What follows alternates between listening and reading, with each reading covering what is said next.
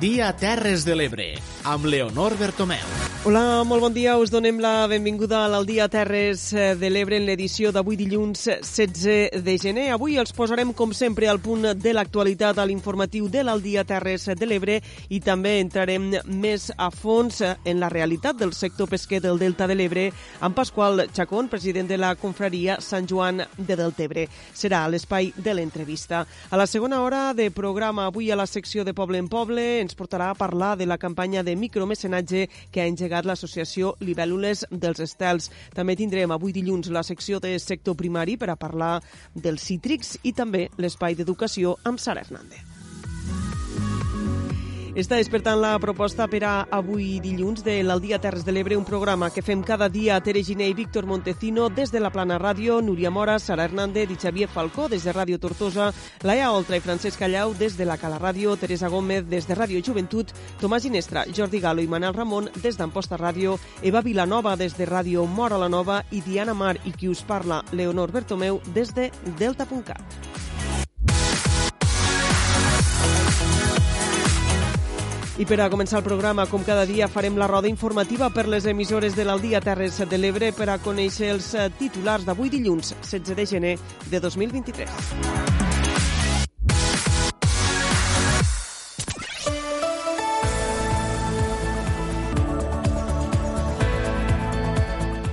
Comencem roda informativa. Els destaquem que la reforma del Codi Penal i del delicte del malversació podria afectar també el cas Aquamet, el cas de corrupció vinculat a les obres de descontaminació del Pantà de Flix. El jutge encarregat del cas ha preguntat a la Fiscalia Anticorrupció si ajustarà l'acusació i les penes arran de la reforma que ha entrat en vigor de, del, del delicte de malversació just a finals de la setmana passada. Els donarem més detalls després a l'informatiu. Seguim en la roda informativa. El refugi antiaeri de Tortosa incorpora nous elements interpretatius per fer més realista la visita a Ràdio Tortosa. Núria Mora. L'Ajuntament de Tortosa continua potenciant el turisme de memòria històrica a la ciutat i ha dotat de nous elements interpretatius al refugi antiaeri de la Guerra Civil. L'objectiu és oferir una visita amb més realisme i posar en valor el treball de les persones que el van construir. Prop de 2.000 persones a l'any visiten aquest espai. Avui a l'informatiu també els explicarem que finalitza la veda del pop roquer dels pescadors de Nansa a la Mella de Mar. La Cala Ràdio, Francesc Callau. Les cinc embarcacions del port de la Mella de Mar que es dediquen a la pesquera del pop roquer amb Nansa han reprès l'activitat després d'estar sis mesos sense poder capturar aquesta espècie per complir amb la veda. Més notícies avui a l'Aldia Terres de l'Ebre. El programa Ribera d'Ebre Viva apropa la cuina de Villarretiro i el producte de proximitat als restaurants de la comarca. Ràdio Mora la Nova, Eva Vilanova. La presidenta del Consell Comarcal de la Ribera d'Ebre, Gemma Karim, va donar la benvinguda el passat dimarts als 20 restauradors, cuiners i cambrers de la comarca que participaran en el primer dels dos seminaris programat aquest 2023 dins del programa Ribera d'Ebre Viva per a la millora de la competitivitat de les empreses riberenques. També els explicarem que Mas de Barberan celebrarà Sant Antoni amb la participació d'una seixantena de voluntaris. La Plana Ràdio, Víctor Montecino Valls. Amb la Setmana dels Tres Barbuts arriben les celebracions entorn de Sant Antoni. Mas de Barberans la va recuperar l'any 2008 i enguany estrena balls de dansa clàssica i tindrà un gran número de diablets, 18, xifra que no es veia des dels inicis de la recuperació de l'acte. A Amposta, més de 350 persones han rebut informació per millorar el reciclatge i utilització dels serveis com recollida de trastos vells. Amposta Ràdio, Manel Ramon. Des de l'Ajuntament d'Amposta es continua treballant per tal d'incentivar la recollida selectiva i també utilitzar els diferents serveis a l'abast de la ciutadania per tal de mantenir la ciutat i els contenidors més nets. Així, durant la campanya de Nadal s'han atès a més de 350 persones que preguntaven dubtes sobre el reciclatge i la utilització, per exemple, de la recollida de trastes vells. S'ha fet a diferents punts de la ciutat amb molt bons resultats. Bones notícies en la informació esportiva. Sant Jaume d'Enveja serà la seu del Campionat de Catalunya de rem de llarga distància Delta.cat Diana Mar. Així és, Sant Jaume d'Enveja serà aquest pròxim diumenge 22 de gener l'escenari del Campionat de Catalunya de rem de llarga distància. Es disputaran diferents regates de diferents modalitats en les categories infantil, cadet, júnior, sènior, tant en femení com masculí. La competició acollirà distàncies d'entre els 3.000 i els 6.000 metres. I també els explicarem que l'Aldea ha inaugurat el nou camp de gespa artificial Teresa Gómez. Aquest diumenge s'ha inaugurat el nou camp de gespa artificial de l'estadi La Unió de l'Aldea, que ha anat a càrrec del doctor Ramon Cugat Bertomeu. Aquestes noves instal·lacions permetran a la Unió Esportiva Aldeana continuar creixent, sobretot en el futbol base, convertint el camp amb aquesta inversió en un camp de referència territorial. Aquestes són algunes de les notícies que tractarem avui a l'informatiu de l'Aldia Terres de l'Ebre, així que estem ja d'entrar en matèria.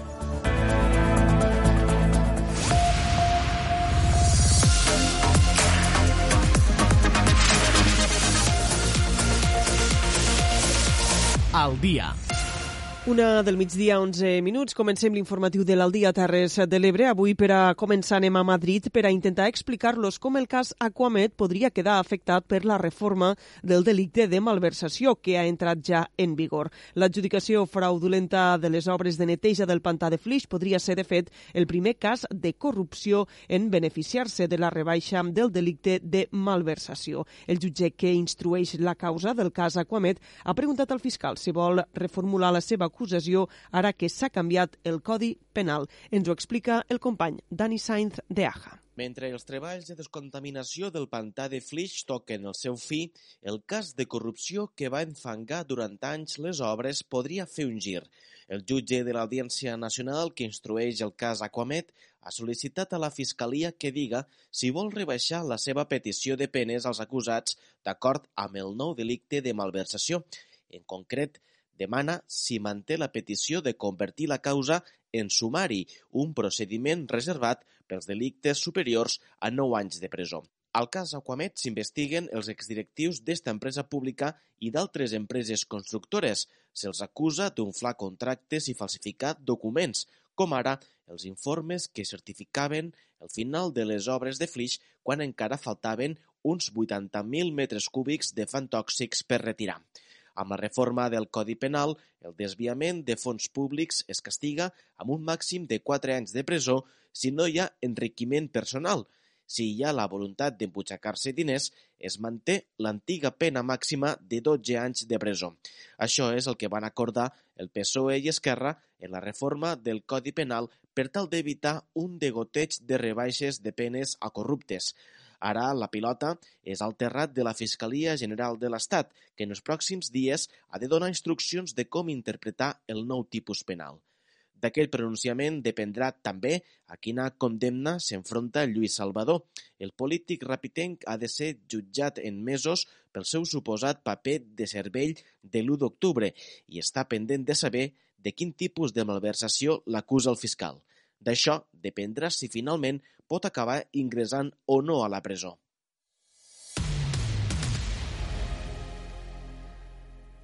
Seguim a l'Aldia Terres de l'Ebre. Les cinc embarcacions del port de la Mella de Mar que es dediquen a la pesquera del Pop Roque amb Nansa han reprès l'activitat després d'estar sis mesos sense poder capturar aquesta espècie per complir amb la veda. Ens ho explica des de la Cala Ràdio Francesc Callau. Les dues embarcacions que van al Cadup van començar ja el passat mes d'octubre i les cinc que van a la Nansa ho han fet el passat dia 9 de gener. Aquestes embarcacions paraven tradicionalment a partir del setembre de manera voluntària i no emprenien la pesquera fins al mes de gener. El fet que el pop desobi a l'estiu, tenint en compte que l'esperança de vida del pop és d'aproximadament un any, fa que durant els mesos de setembre, octubre, novembre i desembre els exemplars encara siguin petits.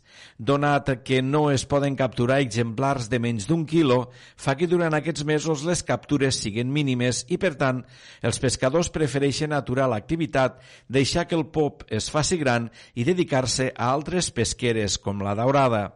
L'any passat la Direcció General de Política Marítima i Pesca Sostenible del Departament d'Acció Climàtica, Alimentació i Agenda Rural de la Generalitat de Catalunya va establir un període de veda obligatòria de dos mesos a tot Catalunya, coincidint amb els mesos de juliol i agost, i que s'han sumat als quatre mesos d'aturada voluntària pels de la Nansa i a un sol mes, el de setembre, pels del Cadub. En aquesta primera setmana, les cinc barques caleres de la Nansa han obtingut captures similars a les de l'any passat, mentre el 2022 van capturar en els primers dies 1.250 quilos de pop, aquest 2023 n'han capturat 1.300 quilos.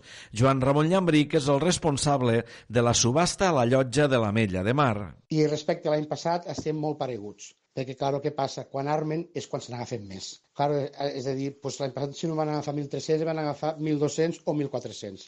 La xifra és molt pareguda, perquè, clar, és quan armen que és quan se n'agafen més. Això de cara d'aquí un parell de setmanes, abans de Candelera, allà es comença a veure més la cosa, si és un any de polp o no. És a dir, si segueixen agafant de força, doncs un any de polp, si no, no un any de polp. De moment, ja t'ho dic, 1.300 quilos i l'any passat van fer això també, 1.200, que són 1.250 quilos. És, és a dir, la diferència és no res dient que és el mateix. Cal recordar que la majoria de les barques que es dediquen tradicionalment a la pesquera del Pop Roquer, excepte una de les que es dedica al Cadup, no han estat d'acord amb aturar l'activitat obligatòriament durant el juliol i agost i així ho van fer saber al comitè de cogestió, donat que durant aquests mesos és quan el pop és més gran i els pescadors en treuen més rendiment econòmic de la seva activitat. Des de la confraria de pescadors Sant Pere de la Mella de Mar també havien demanat aturar els mesos d'agost i setembre i no en el període juliol-agost. Seguim amb altres qüestions. L'Ajuntament de Tortosa continua potenciant el turisme de memòria històrica a la ciutat i ha dotat de nous elements interpretatius el refugi antiaeri de la Guerra Civil. L'objectiu és dotar la visita de més realisme i posar en valor el treball de les persones que el van construir. Prop de 2.000 persones a l'any visiten aquest espai. Ens ho explica Núria Mora. Obert al públic des del 2015, el refugi antiaeri número 4 de Tortosa ha incorporat millores amb la finalitat que els visitants copsin encara més com era la realitat que vivien les persones que es refugiaven dels bombardejos que va patir la ciutat durant la Guerra Civil. Concretament, s'hi han instal·lat figures i s'han millorat l'experiència auditiva per dotar de més realisme a la visita. També s'ha incorporat una projecció sobre la construcció del refugi per posar en valor la feina que van fer els obrers que hi van treballar. Així ho ha destacat l'alcaldessa de Tortosa, Meritxell Roger. D'una banda, millorem l'experiència auditiva, és a dir, fem un amplificador més potent per tal de poder-li donar encara més realisme. També s'han incorporat unes figures que, que ens permeten també pensar que aquelles eren les persones que estaven dintre del refugi, que s'estaven amagant per la situació dels bombardejos, i en tercer lloc també hi ha una altra nova experiència una nova escena, que són a, eh, els treballs que es feien per tal de construir. Això es va fer construir, es va fer perquè algú ho va fer i, per tant, també significar posar en valor també aquella gent, aquelles quadrilles d'homes que al seu moment van, van construir eh, este refugi antiaeri. Concretament, hi ha quatre grups de figures amb siluetes que representen adults i criatures refugiades en el moment d'un bombardeig. A més, s'ha incorporat una projecció sobre la construcció del refugi i una escena amb vigues i estris d'obra il·luminada amb bombetes incandescents per recrear la llum que es feia servir en el moment de les obres. L'Ajuntament de Tortosa ha invertit 7.000 euros en aquestes millores. L'alcaldessa de Tortosa ha recordat les accions que s'han realitzat els darrers anys a la zona on hi ha el refugi, al carrer Hemingway, i on també es pot visitar el mural que recorda els bombardejos que va patir la ciutat el 1938. Tot plegat amb l'objectiu de continuar potenciant el turisme lligat a la memòria històrica. Al seu moment vam fer una aposta important per, eh, per potenciar el turisme de la ciutat des d'una vessant que no s'havia fet fins llavors, que era el turisme lligat a la memòria històrica, tenint en compte el passat que, que tenim com a, com a ciutat, com a Tortosa, amb els bombardejos que vam patir, eh, vam recuperar este refugi. Pel 2021 vam fer este mural que explicava també les ales negres sobre Tortosa, que és com va explicar Ernest Hemingway Hemingway el que va passar, els bombardejos a la Guerra Civil. També li vam donar aquest espai al, al nom de, de carrer Ernest Hemingway i ara el que fem és també encara potenciar més este refugi antiaeri que realment té moltes eh, visites i que, i que hi ha molt de turisme allà també que vol veure què va passar i que està interessat en això. Recordem que el refugi antiaeri número 4 de Tortosa es va condicionar i obrir al públic l'any 2015. Anualment el visiten unes 1.800 persones a través de les visites guiades que ofereixen les empreses turístiques com Ficon i Terra Enllà. Anem ara a Amposta. Més de 350 persones van rebre informació durant la campanya realitzada a la ciutat per millorar el reciclatge i utilització dels serveis com la recollida de trastos vells. Ens ho ha explicat des d'Amposta Ràdio Manel Ramon. La campanya d'informació de Cuidem Amposta sobre el servei de trastos vells i de xalleria de les setmanes de Nadal ha atès unes 350 persones. Així, els agents ambientals de Cuidem Amposta es van desplaçar a diferents punts de la ciutat per donar informació sobre aquests dos serveis i també donar un paquet de bosses per la recollida orgànica. Des del 20 de desembre fins al 5 de gener, la carpa de Cuidem Amposta es va instal·lar en dimarts al matí a la plaça Cecília Carballo, en dimecres a la tarda a l'Avinguda de la Ràpita i en dijous al matí a la plaça Ramon Berenguer quart. En total van ser nou jornades d'atenció. En total van ser nou jornades d'atenció durant les quals es van atendre, com dèiem, 350 persones per resoldre dubtes com l'horari de la deixalleria o com demanar el servei de recollida de trastos vells a domicili. Aquestes campanyes d'atenció al carrer permeten donar informació directament a la ciutadania de serveis que potser no són del tot coneguts i, en canvi, si foren utilitzats de manera correcta, permetrien fer una gestió més eficient dels residus de la ciutat, segons que ha assenyalat la regidora de Polítiques Ambientals, Núria Marco. Aquesta acció de conscienciació a peu de carrer en la gestió dels residus se suma a altres accions que la marca Cuidem Amposta ha realitzat en els darrers anys per afavorir el reciclatge, com l'acció xarxes mitjans a peu del carrer, orgànica resta, les de civisme en l'ús de contenidors i la de reciclatge de roba. Mas de Barberans celebrarà el Sant Antoni amb més participació, amb vora una seixantena de voluntaris i l'estrena enguany de balls de dansa clàssica i un gran número de diables, 18, xifra que no es veia des dels inicis de la recuperació de l'acte l'any 2009.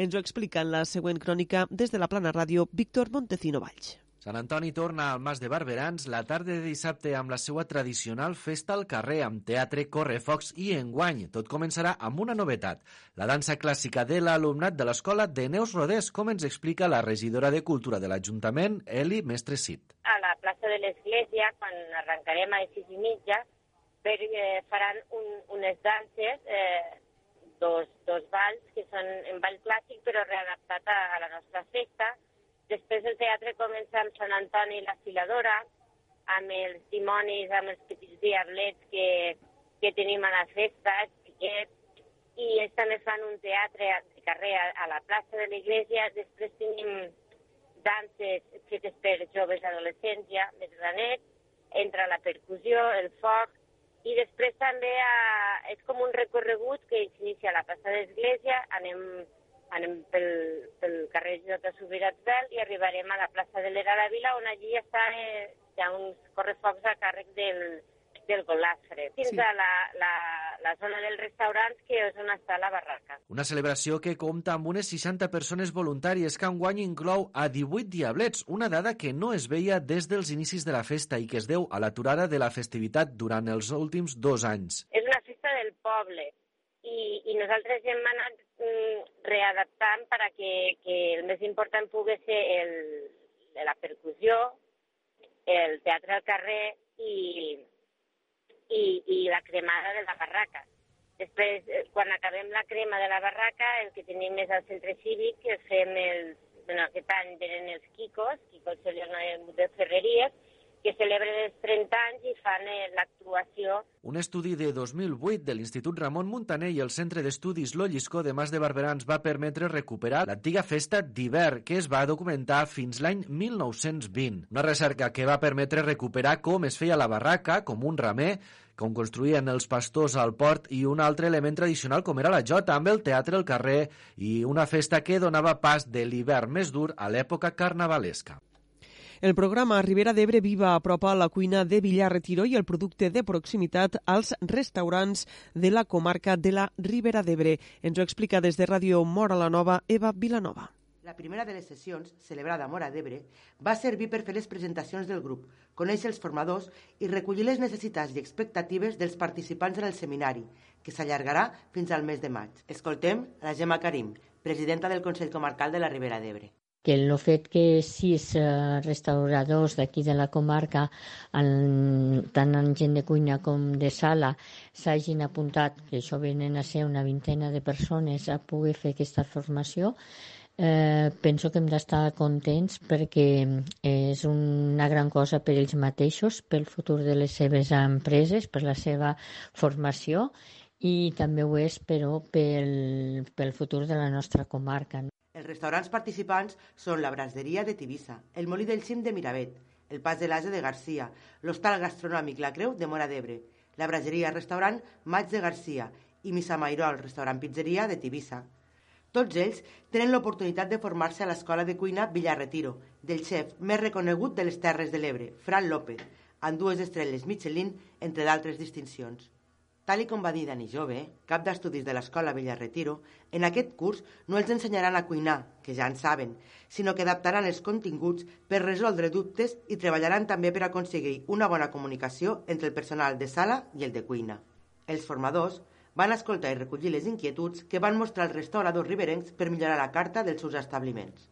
Així, durant el curs, entre d'altres temes, tractaran la conservació dels aliments, com oferir la carta de vins, els productes de proximitat, cuinar a baixa temperatura i l'ús de la màquina de buit, entre d'altres estratègies. En definitiva, es tracta de donar noves eines i estratègies als restauradors per modernitzar i rendibilitzar els seus plats i els seus negocis.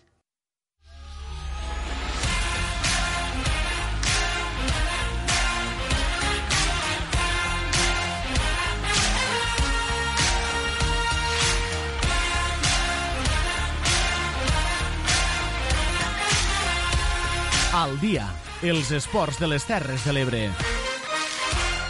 Seguim a l'Aldia Terres de l'Ebre, ara amb la informació esportiva. L'handbol Amposta, que lluita per sortir de la zona baixa de la taula classificatòria, per per 28 a 20 a la pista del Gavà. Ens ho explica des d'Amposta Ràdio Tomàs Ginestra. L'Empol Amposta, que lluita per sortir de la zona baixa, va perdre per 20 a 28 a la pista del Gavà en la quinzena jornada del campionat de Lliga de la Divisió d'Honor Plata al grup C. El conjunt del Montsià no va poder endur-se els punts en joc davant un equip local que va fer molt mal amb el tir exterior.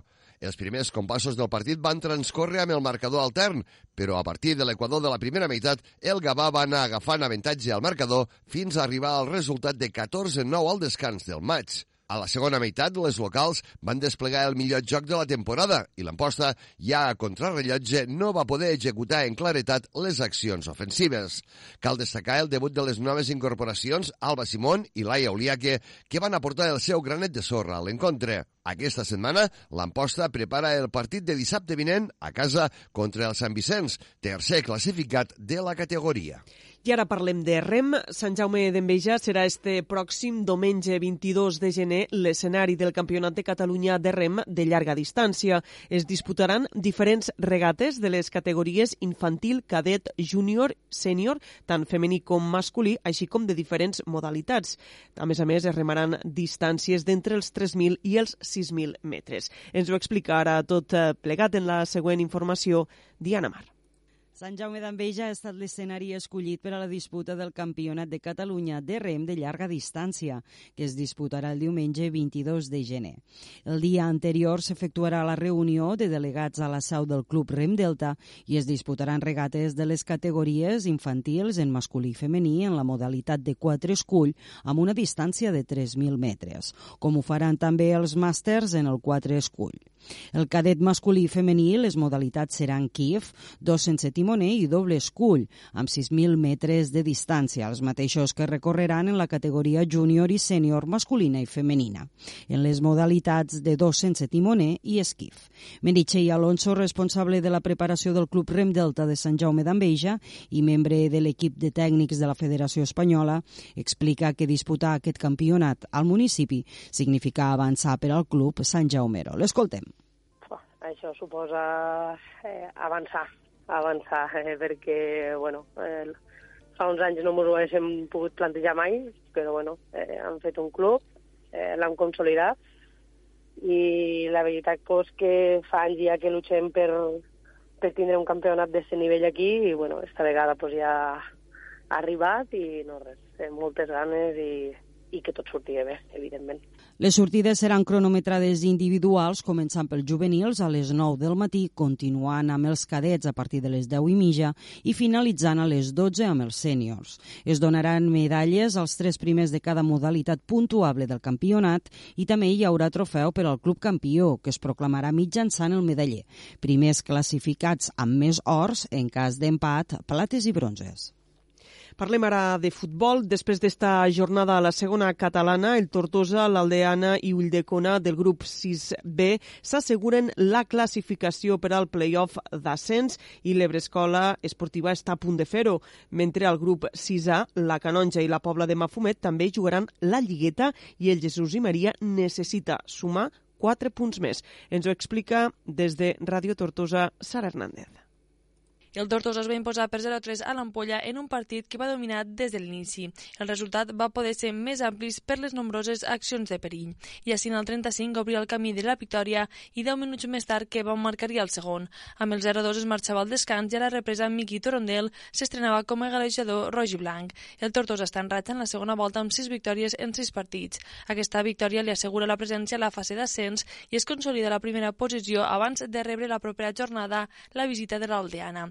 Escoltem ara les paraules de l'entrenador del Tortosa, Jordi Fabregat. Crec, crec que el domini del partit i les ocasions es va ficar Tortosa. Independentment del 0-3 eh, ens van donar un gol i dos hores de xoc que teníem molta possibilitat de fer gol. Hem de millorar certs aspectes del joc i fluir millor el joc d'atac. I bueno, molta humilitat perquè queda molta temporada i ara estem pues, en, en una bona situació després de guanyar partits seguits, però que el futbol pues, no, no pots baixar baix la guàrdia.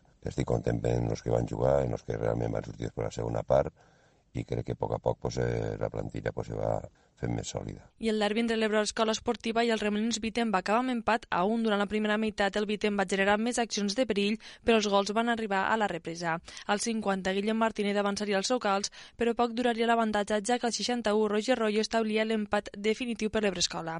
Al tram final els dos equips es van apropar a les porteries, però sense encert als últims metres. L'entrenador de l'Ebre Escola Esportiva Pepe Balart apunta que després d'una primera meitat sense idees l'equip va reaccionar després del gol en contra empatant el partit tot i que lamenten la manca d'encert al tram final. Crec que vist el marcador, doncs, possiblement per ocasions, eh, possiblement hem alguna, alguna més, però pel joc i pel bon partit que fa el Remolins, tot s'ha de dir, eh, és just el marcador. Ara mateix toca seguir intentar tancar com, quan abans millor el tema de, de la classificació per la fase ascens, estem a un punt matemàtic, i ja més lluny d'això de classificar-nos és de eh, no quedar-nos despenjats, sinó la segona fase se'ns farà molt, molt llarga. I l'entrenador del Remolins Vitem, Josep Subirats, destaca la igualtat durant el primer temps i lamenta que després de marcar l'equip es va desdibuixar i l'Ebre Escola va aprofitar els errors per empatar. Crec que es pot caure d'una banda o de l'altra, perquè ells sí que creen alguna ocasió més que para l'eix i nosaltres crec que tenim una ocasió més i una al final una falta.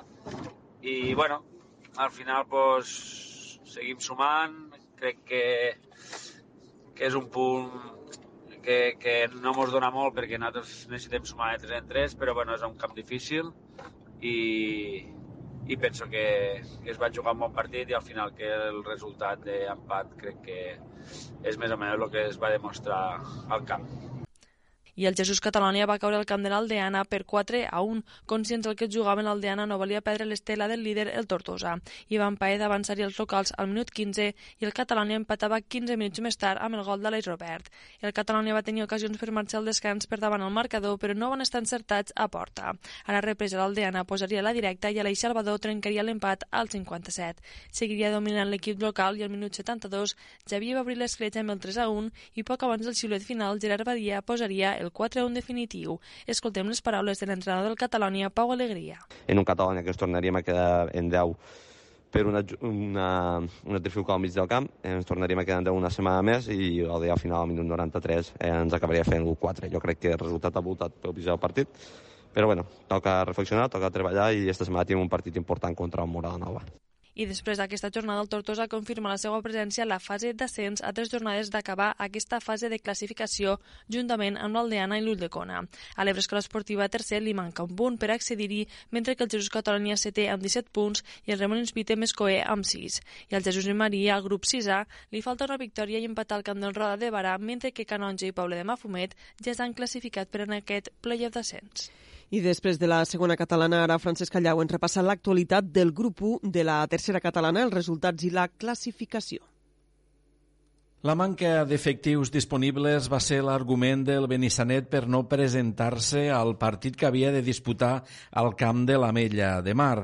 Els caleros, per tant, s'apuntaran després de la resolució del comitè els tres punts del partit per un resultat favorable de 3 gols a 0. La resta dels resultats al grup primer de la tercera catalana, al grup ebrenc, van ser els següents. Masdenberge 3, Flitx 2, 2, Jesús i Maria B 0, Rapitenca B 2, Xerta 1, Roquetenc 0, La Cava 1, Santa Bàrbara 1, El Perelló 0, Godall 1, Gandesa 4, Tortosa B 0 i Amposta 12, Corbera d'Ebre 1. La classificació està encapçalada pel Gandesa en solitari amb 36 punts, seguit amb 28 punts, empatats a la mateixa posició l'Amposta i la Cava. A la quarta posició, ja amb 26 punts, segueix la Mella de Mar i a la cinquena posició la Rapitenca B amb 23 punts. A partir d'aquí, Flitx 20, Roquetenc i Santa Bàrbara 19 punts, Xerta 18, Masdenberg 17, Godall 16, Tortosa B 13, Jesús i Maria B 10, Perelló 8, Corbera d'Ebre 6 i tanca la classificació el Benissanet amb 4 punts. I per a tancar la informació esportiva, els expliquem que l'Aldea ha inaugurat el nou camp de gespa artificial. Teresa Gómez. El nou camp de gespa artificial es tracta d'una actuació molt esperada per part dels jugadors i l'equip tècnic, que té per objectiu donar resposta a la pràctica esportiva del futbol amb uns equipaments plenament renovats. Javier Rollo, l'alcalde del municipi, ha recordat que a més de la instal·lació de gespa artificial s'ha instal·lat un nou sistema d'enllumenat amb projeccions de tecnologia LED per a una bona eficiència energètica. Durant aquests quatre anys han fet un canvi important de transformació urbanística del nostre poble. També s'ha treballat molt i encara no hem acabat aquí la implantació d'indústries, però també hem apostat per esport. No només avui inaugurem aquí la substitució del camp de gespa, sinó que a l'inici de la legislatura vam ficar un enllumenat, que aquestes dues coses fiquen este camp com un dels millors de les Terres de l'Ebre per a la pràctica del futbol. Ens preocupem de les persones, ens preocupem de la seva activitat física i representa encara més, potenciar encara més l'esport aquí a l'aldea. A més, la inversió feta en equipaments i tecnologia fan que el camp del futbol de l'estadi de la Unió de l'Aldea, un camp d'excel·lent qualitat i en conseqüent d'atracció per a clubs d'arreu del territori per a dur a terme campus i entrenaments de pretemporada.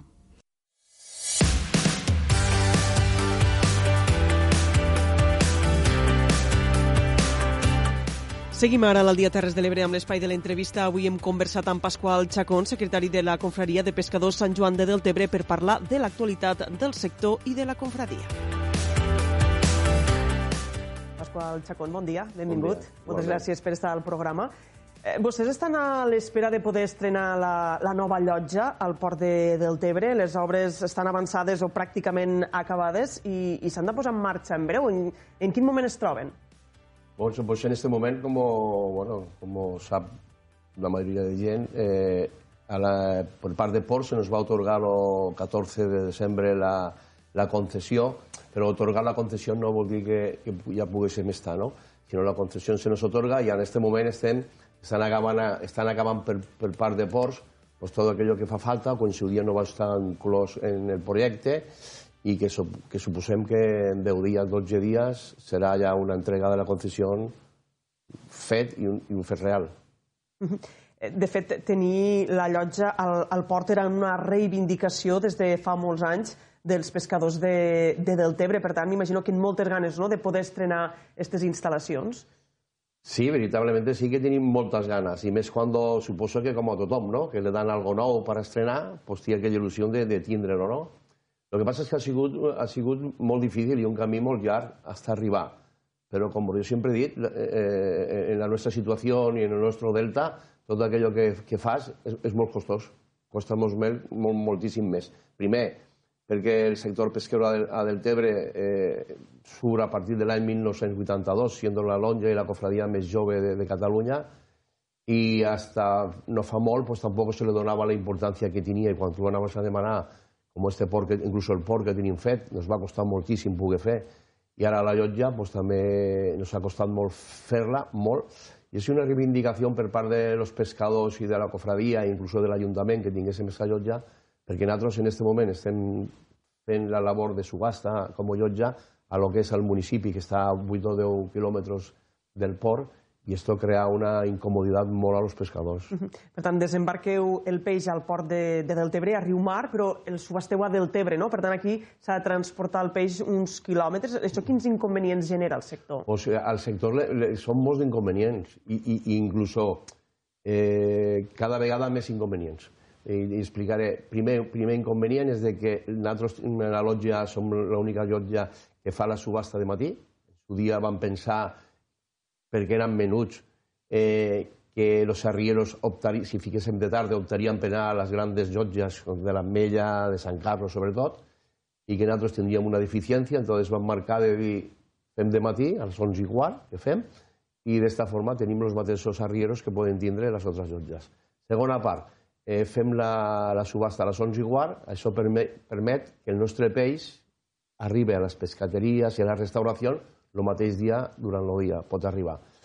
Eh, el que fa al sector del pescador eh, té un inconvenient gran, és a dir, si nosaltres fem la subhasta a les 11 i quart, ells tenen, que tindre el peix a la llotja sobre les 10 i mitja. Això vol dir que a les 9, 9 i quart ja tenen que sortir, tenen que deixar la barca, el seu de treball, anar a la subhasta i esperar-se fins a les 12, 12 i quart que termina per acabar.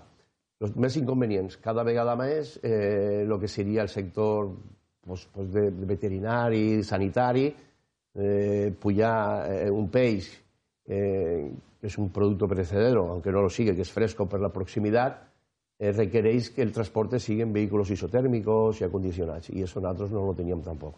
Vull dir, que ha sigut al final te dones compte de que la proximitat portarà molts de beneficis a los pescadors i a la cofradia. Per tant, tenir el llotja permetrà subhastar el peix al mateix port. Eh, mos comentaves, des del Departament de Territori us ha atorgat la concessió de la nova llotja a la confraria. Quan creieu que, que podreu començar a subhastar a, a la nova llotja? Esteu pendents que us entreguen les claus? Estem pendents que ens tornen les claus. Com que tu acabes de dir, ahir l'has acertat. Però nosaltres suposem que mm, principis febrer, mitjans de febrer, estarem allà. Ja, ja, ja t'he dit que pensa que, que han passat, que, que han passat per, per molts de trams. Eh, pensa que l'obra se tenia que haver començat al setembre del 2021, per un, per un problema de documentació no se va poder començar, però la dita era que l'entrega era març-abril de 2022. I quan tu comences qualsevol tipus d'obra o, o, de, o de qualsevol cosa que tu faigues nou, te crea una il·lusió, no? Te crea aquesta il·lusió. Luego de març se va retrasar al juny, de juny se va retrasar al setembre, al novembre, sempre per temes de construcció, no per documentació, per construcció també va ser, i també a vegades ajenos a la mateixa empresa, les pujades de productes, eh, el mal temps que també ens va agarrar i allí a, a Riomar pues, fa molt de vent, però sí que veritablement nosaltres que hem estat molt a prop pues, la, nos ha creat una miqueta de desil·lusió no? de dir ja la volíem, ja la volíem, ja la volíem, però no obstant jo crec que durant el mes de febrer ja estarem allí fent subhasta. Uh -huh. Mos ho digues, eh? sembla que, que les obres al Delta costen, costen molt sí. i, i un dels temes que també s'ha sí. allargat moltíssim sí. és aquest pla especial del port de Deltebre que també a finals d'any coneixíem que, que s'havia aprovat ja definitivament el que permetrà la seva ampliació.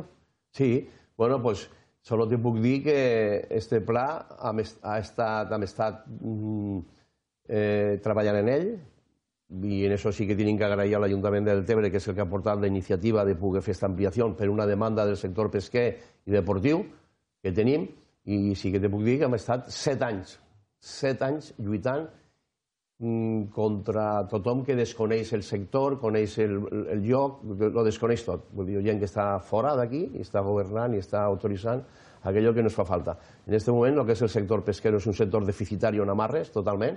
No tenim amarres, tenim més demanda que amarres.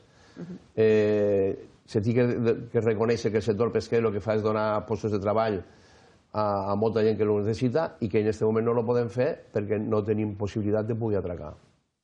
En quina flota compta actualment el, Bueno, en este moment nosotros con- contem en 22 embarcacions, todas de artes menores i marisqueo, i que i tenim una demanda en este moment segurament entre 10, 12, 14 barques que voldrien poder estar al port de Deltebre i no lo podem fer. De, de totes maneres, este, este pla especial del port de Deltebre, la zona que més creix, per dir-ho així, és la, és la nàutica, no? és, la, és la esportiva. Tot i així, sí. creieu que, el, que la zona pesquera que, que la confraria també hi surt guanyant en aquesta ampliació del port? Sí, totalment. Vull dir, a veure, és, és, és un projecte pactado, solicitado per les dues bandes, el pesquer i, i, i, i deportiu. El, el pesquer tiene una necesidad... Si, mira, el, el, port nostre és un port pesquer. El port que tenim en aquest moment és un port pesquer i se va fer per la pesca. Se va fer per la pesca. Vull dir eh, lo que, lo que, lo que ocurrís es que nosotros, como Cofradía de Pescadores, intentando colaborar con las entidades deportivas a nivel municipal, van hacer una cesión de, un, de, casi el, el 60% del, del para que pudiese haber una actividad deportiva. Esto se va a marcar en una fecha, que no se, no se va a cumplir, perquè ja t'estic dient que nosaltres tenim unes necessitats, però que sí que en aquest moment hem, apo- hem apoyat este projecte. Llavors, hi ha un, un projecte entre les dues entitats de que passarem a ocupar el que era la majoria del port nostre que ja teníem en su dia marcat. Això nos deixarà créixer un 100%, passarem a duplicar les embarcacions, i sí que és veritat que el sector deportiu, que és un, un sector important per, per, per, per, per, per, per, per el turisme i per tot el que conlleva, eh, passarà a ser majoritari com lo és en este dir, nosaltres tenim dos, dos, 22 embarcacions i segurament el sector deportiu en aquest moment hi 120 o 110. Vull dir que sí que estarem contents de que poden compartir i que anessin creixent, però no únicament creixeran les embarcacions, segurament creixeran també tot el que comporta una ampliació d'un port, que és el que tenim falta, no nosaltres, sinó ja del Tebre en si.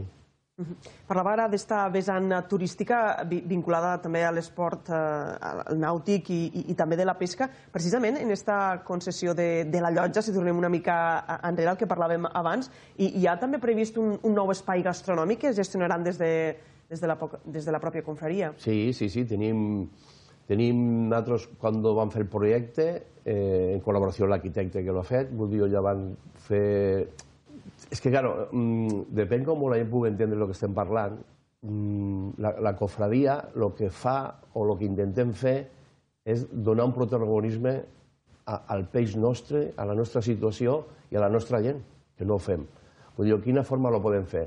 En una llotja nosaltres passem desapercebuts, totalment. Vull dir, fem una lonja, eh, la inaugurem, és una lonja molt moderna, según diu la Generalitat, és la més moderna que habrá en Catalunya, por eficacia, por eficiencia, però al final, lo, si no donem un valor afegit a lo que nosaltres fem, no, no, no, tenim futur. Vull dir, jo, si no puguem dir que tenim angula, que tenim anguila, que tenim un peix fresc que se subhasta la, al cap de dues hores de ser capturat, que tenim la millor plataforma pesquera del Mediterrani, tot això la gent no ho sap. Ah, Vull dir jo, llavors a partir van dir, bueno, ¿por qué no creem un espai gastronòmic? Que nosaltres no portarem, però que sí que estarem lluitant per a que sigui així, per a que si el producte sigui fresc, sigui el nostre, tingui una qualitat que no se dice menospreciar per altra gent, vull dir, jo, això és el que la cofradia vam intentar i estem intentant. No sé si no sortirà bé o malament. Segon, eh, penseu que el restaurant està fet al primer pis. Eso conlleva, además s'ha projectat en quatre terrazas que fa los quatre puntos cardinales i podràs estar menjant veient un espectacle, perquè és un espectacle, el río i tot el que veus, i, i, i caro i tot això, mentre estàs participant dins d'una gastronomia exquisita. Per tant, se tracta de posar en valor no? eh, el producte pesquer de, del delta de, del Tebre. no únicamente el valor, sino el conocimiento. Nosotros somos, somos el mayor productor del Tebre, es el mayor productor de tallarinas del Mediterráneo en este momento. Qui ho sap? Ningú. Ningú. No han sabut encara valorar el nostre producte o portar-lo on se tingui que valorar. I volem començar des de nosaltres mateixos, que la nostra qualitat gastronòmica se pugui donar quilòmetre zero. Uh -huh. Eh, precisament, ara que parlava d'estos eh, productes d'aquí, a l'octubre passat va, es va constituir esta, este comitè de cogestió de la pesca del Delta de l'Ebre que sí. ha de permetre precisament el reconeixement i la reglamentació de moltes pesqueres eh, tradicionals que, que fins ara no eren reconegudes. Sí, els comitès de cogestió que nosaltres estem aportant, a part d'este n'hi ha tres o quatre més que són importants per al dia a dia i este és molt important perquè nosaltres fa temps que estem reclamant. Nosaltres vivim en un hàbitat i pesquem en un hàbitat que és continental quan se diu rió i exterior quan és mar. En ells havia moltes pesqueres i, mo i moltes eh, espècies que a vegades jo que porto 40 anys de secretari me quedo una miqueta desfasat en el tema quan me diuen i me prohibissin la pesca de la tenga, que, és, que, és, que a part ha sigut un sustento de l'alimentació durant la guerra, la postguerra i, i la gent sempre més... Jo quan vaig arribar, que som no vingut, sempre era eh, anem a menjar tenquetes o anem a menjar tengues, eh, que se nos prohíba perquè se diu que és una espècie invasora. No pot ser. Però jo, eh, formes de treballar, arts que no se puguen fer per aquests comitès de gestió i, molt acertadament per part de la Generalitat s'ha aprovat i estarem lluitant per poder incorporar al catàleg totes aquelles formes de pescar i espècies que no se poden pescar para que el pescador pugui, pugui lluir i tornar a atendre aquestes espècies que ara no tenim. Aquí estem parlant, no sé si també de, de l'angula i, i l'anguila, una espècie que podem dir que està en un moment delicat, no? Enguany, eh, la, la campanya de l'angula com està anant? Bueno, la campanya de l'angula està malament. Primero perquè, primer perquè, sobretot, si jo parlo de la part de Deltebre, malament, perquè nosaltres tenim pesqueres importants que se pesquen dins de lo que és la Bahia Alfangar. La Bahía Alfangar, para aportar l'aigua, necessitem les bombes de la comunitat de regants para que aporte este agua para poder pescar. Eh, se nos comunicó al principio de la campaña de que las bombas no, no estarían en marcha, por, entenem, una, un importante incremento de gasto en la electricidad y entonces no las podemos estar pescando. Eh, la baixada de agua, que és important, ese deshielo i tot això, tampoc s'està fent. Vull dir que eh, s'està agafant molt, molt, molt poqueta, i la poca que s'agafa eh, se está agarrando en, las, en, en, lo que son las basas, pero muy poquita cantidad. Y luego tenemos siempre la, la, la espada de, eh, Moon en el sentido de dir que la, la Comunitat Europea cada vegada més està per la labor de, de, de, de, de prohibir la pesca de l'angula. Incluso les notícies que nosaltres teníem és de que a partir d'enguany del 2023 se prohibirà l'angula i l'anguila, capturar l'angula i l'anguila el que és en Espanya, en Catalunya o al Delta sí que me costa que s'està lluitant una miqueta perquè poguéssim, no siguin 12 mesos de veda, sinó que siguin molt menys, però Europa sap el que està fent i llavors ens està aplicant uns mesos en els quals l'angula no hi ha. L'angula, ells no acaben d'entendre que ells venen que l'angula és una espècie alevint i llavors fa molt de temps, molt de temps que el seu interès. Per lo que he dit abans, no? estem governats per aquella gent que no són del territori, no coneixen les pesques tradicionals, no coneixen el sustento d'esta de, de, de, de, de gent que té que treballar i que sus recursos venen de la mar. El delta, no, el delta com si no tiene grandes indústries ni grandes fàbriques, llavors el sustento és l'agrícola, el sector primari, i nosaltres necessitem de l'angula com altra gent necessita el cement per a fer construcció. Hem parlat de, de la llotja, hem parlat d'aquest pla especial del port de Deltebre. Una altra de les reivindicacions constants dels pescadors de Deltebre és el dragatge de la bocana del riu. Des del 2019 se n'han fet dos de dragatges puntuals, no? però el que reclameu és que, és que hi hagi un dragatge i un manteniment més continu de la bocana del riu. Sí. Bueno, és otra cosa igual. Vull dir, nosaltres en aquest tema portem des de l'any... Pues portem exactament 23 anys lluitant per aquest tema. Vull dir, mm, arriba un moment que ja no saps què dir ni en qui parlar ni en què fer. Perquè crec que, que, que nos emprenen una miqueta risa. És que vull dir, és que eh, tornem a lo mateix i te l'he dit dos vegades. És de dir, eh, tu creus que el sector que compite o la gent que compite en, en, las, en, en las decisiones para poder dragar o no dragar son competentes y coneixen el delta en si? No. Jo, el delta és la riquesa més important que té Catalunya, per moltes coses, no? Eh, dient que és el riu més caudaloso d'Espanya o de Catalunya. És correcte. El riu és vida, com ho diu tothom, i és així i tenim que continuar. Tenim un sector turístic perquè tenim una zona importantíssima en un turisme. Serà com ho diuen, per a, serà un turista nocturn, un, turista d'aventura, un turista de, de, de lo que és el paisatge. Però tenim un turisme important, tenim un riu important. El desconeixement de la gent, és a dir, per, si nosaltres volem viure del turisme i aportar turisme al riu, tindrem que tindre una entrada adequada. És que això, a tothom que se lo dius, és correctíssim. Mira, en el delta del Po, en el delta del Po, que se destinen 30 milions d'euros a l'any al dragatge del riu, 30 milions cada any. Treballen contínuament.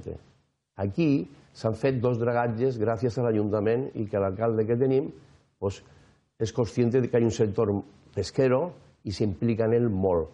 Les dos, les dues vegades que s'ha fet un dragatge s'ha pagat en pressupostos de l'Ajuntament, que jo crec que no deu ser així, perquè no, els ciutadans tenen que pagar una obra o un recurso que no compite. Ha sigut més que res per a donar a conèixer una situació precària que tenim al Delta, per, per donar a conèixer i saber de qui correspon la legalitat de dragar o de donar els permisos, que hasta no se sabia, i s'ha dragat. Però mm, de quina forma s'ha dragat? El que s'ha dragat, una, han portat una, una draga, ha estat dia i mig i s'ha marxat. I tu agarres el diari i veus que en la Pineda va una draga i està 3.000 hores dragant. O està... Que a mi ja me pareix bé, perquè és una necessitat. Però és que el Delta, tornem a dir, i torno a dir, que està molt dissat de, de les autoritats i de la mà. No cuesta tant dragar el riu o tindre otra cosa que nosaltres vam dir des de su, del seu moment, des de l'IDC, que té un pressupost important i que ja se dedica a dragar el que és la zona d'Amposta a Tortosa, que dime quin turisme pot aportar d'Amposta a Tortosa, a mi me pareix bé. Però si no entrem per la bocana aquestes embarcacions que, grans o que tenen un calatge i, i que podrien vindre a aquest port nou que ampliarem, perquè també hi ha una demanda important de gent de Cambrils, d'Hospitalet, de Salou per poder entrar, entrarem allí, dinarem, passarem el dia. Eh, vam dir que, bueno, que dentro de l'IDC hubiera una clàusula en el qual se pogués fer càrrec de tres dragatges a l'any per a poder pujar i poder fer l'entrada. Bueno, pues esto portas no tenim pressupost, ara sí que tenim, ara fem plego descàrrec, ara no sé, ara l'empresa no ha entrat. Vull dir, a vegades penses, arriba un moment, con el temps, quan estàs en aquesta situació i treballant en aquest sector, que s'emburra la cara teva. No som res. Pues mos han quedat sense temps. L'agraïm moltíssim a Pasqual Chacón, secretari de la Confraria de Pescadors Sant Joan de Deltebre, que hagi estat avui al nostre programa. Bueno, jo també vull agrair a vosaltres per la importància i, i cada vegada que som invitats i poder parlar, parlar del sector pesquer, a nosaltres és un orgull.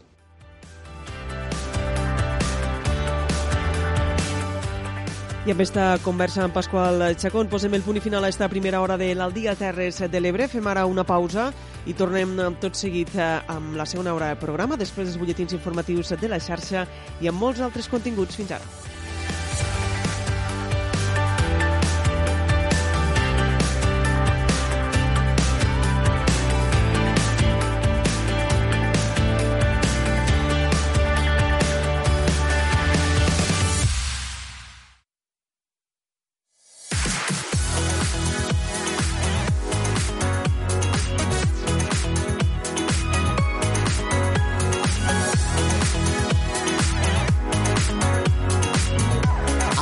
Dia Terres de l'Ebre, amb Leonor Bertomeu.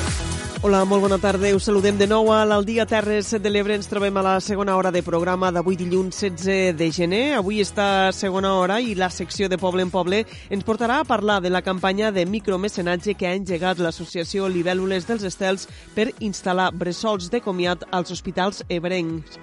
Ens en parlaran des de Delta.cat. I avui dilluns també tindrem la secció de sector primari, en concret parlarem del sector dels cítrics i també tindrem l'espai d'educació avui per a conèixer l'oferta formativa formativa de l'Escola per a l'Art i la Cultura de Tortosa.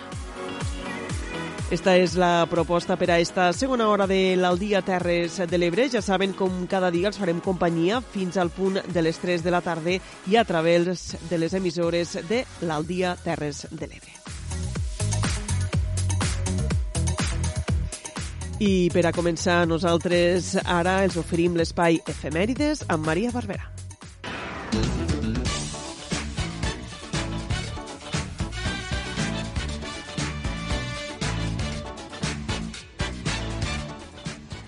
Ens retrobem de nou avui 16 de gener per fer un repàs als esdeveniments més importants o correguts tal dia com avui. Iniciem l'espai d'efemèrides. El 16 de gener de 1605 es publicava a Madrid la primera edició de l'ingenioso hidalgo Don Quijote de la Mancha.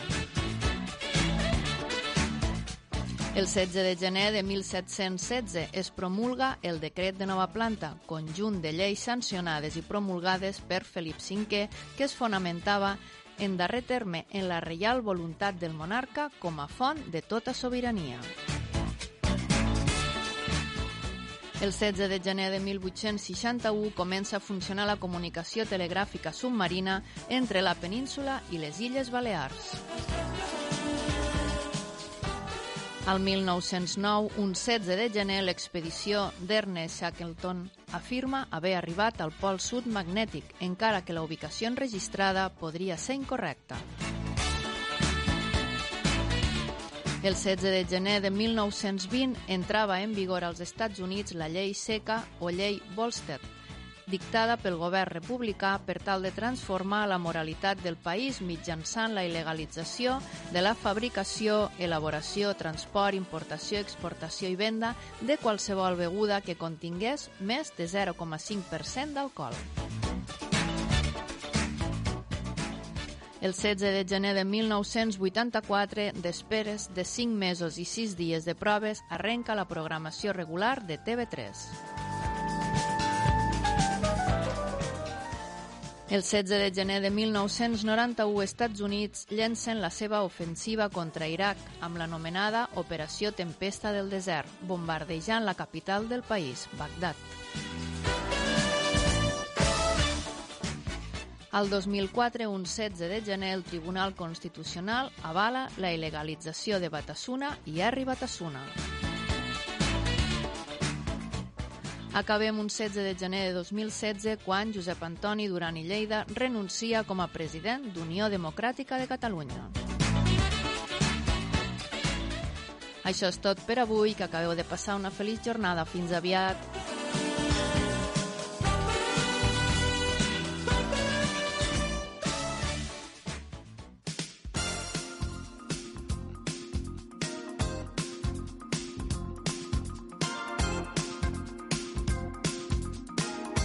Dos de la tarda i vuit minuts i a l'Aldia Terres de l'Ebre ens n'anem de poble en poble. Anem en concret a Delta.cat, ja que Sant Jaume d'Enveja ha estat un dels municipis ebrencs en donar suport a la campanya de micromecenatge engegada per l'associació Libèl·lules dels Estels per ubicar bressols de comiat als hospitals ebrencs. Diana Mar, des de Delta.cat, en parla amb una de les impulsores de l'associació.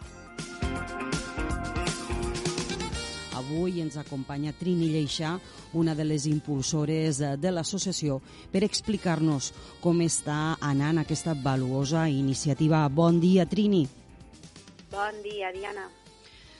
Doncs bé, eh, continueu a peu de canó eh, ara amb aquesta iniciativa i sí que m'agradaria, Trini, que ens expliquessis en què consisteix exactament. Val, la idea ha sigut de fer un micromecenatge per poder adquirir tres bressols del comiat eh, per als tres, bueno, per a un dels tres hospitals de, que tenim aquí a les Terres de l'Ebre. Exactament, quan parlem d'aquests bressols, per a què serveixen?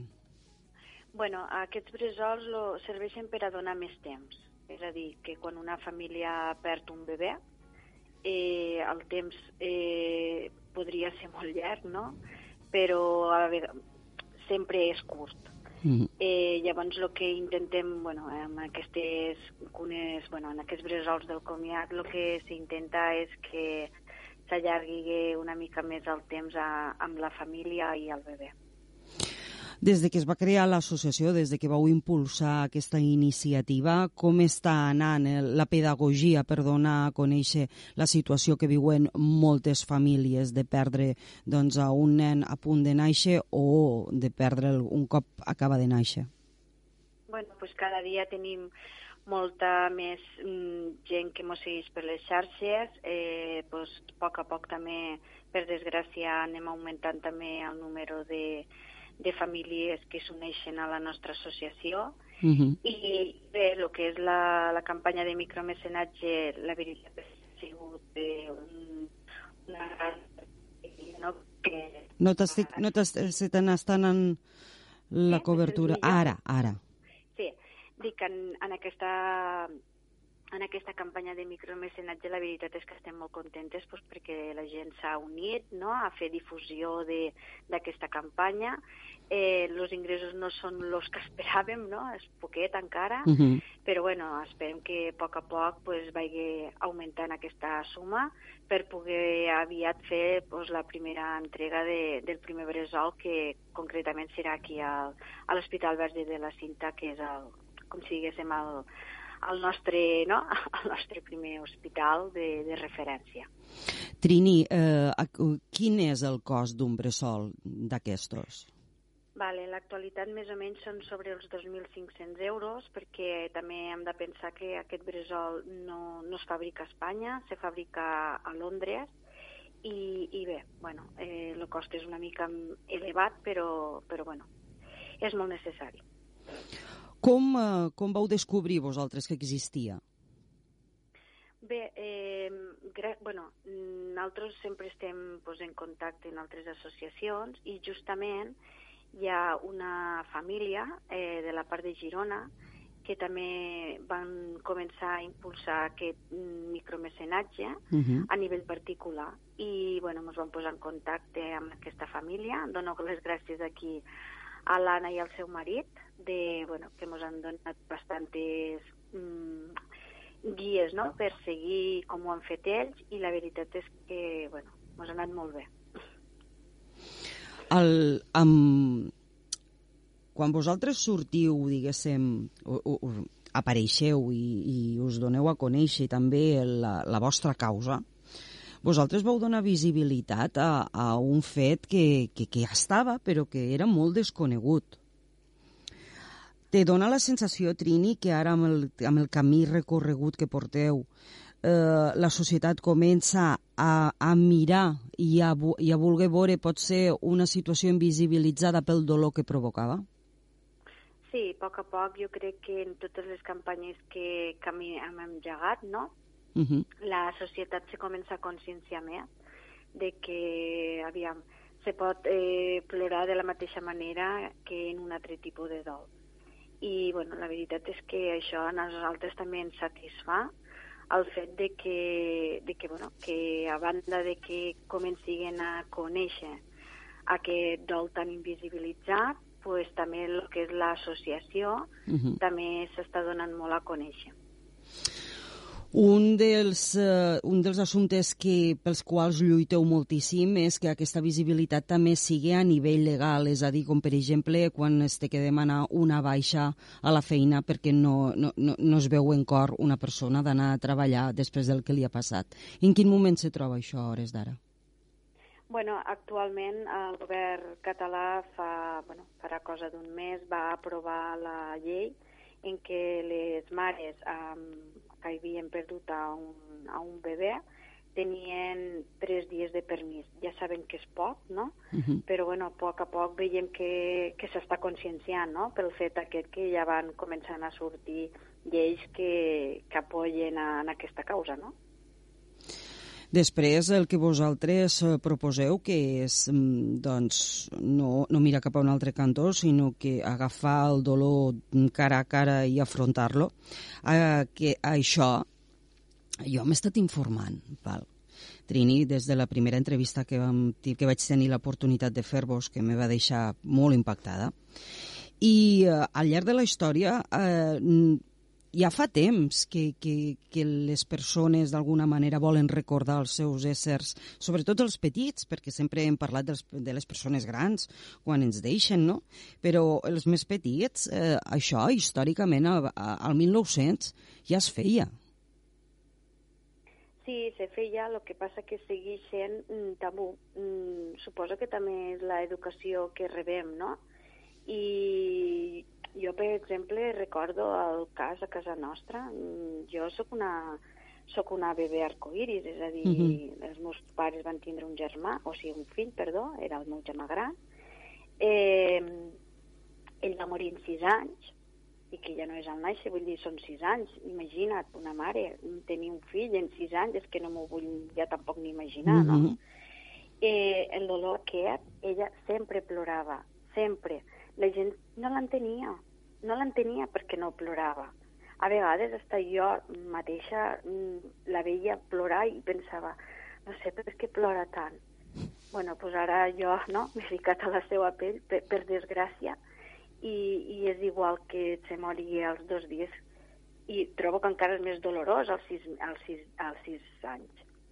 Però bueno, que al final eh, sigui sent eh, un dol que està, que està amagat.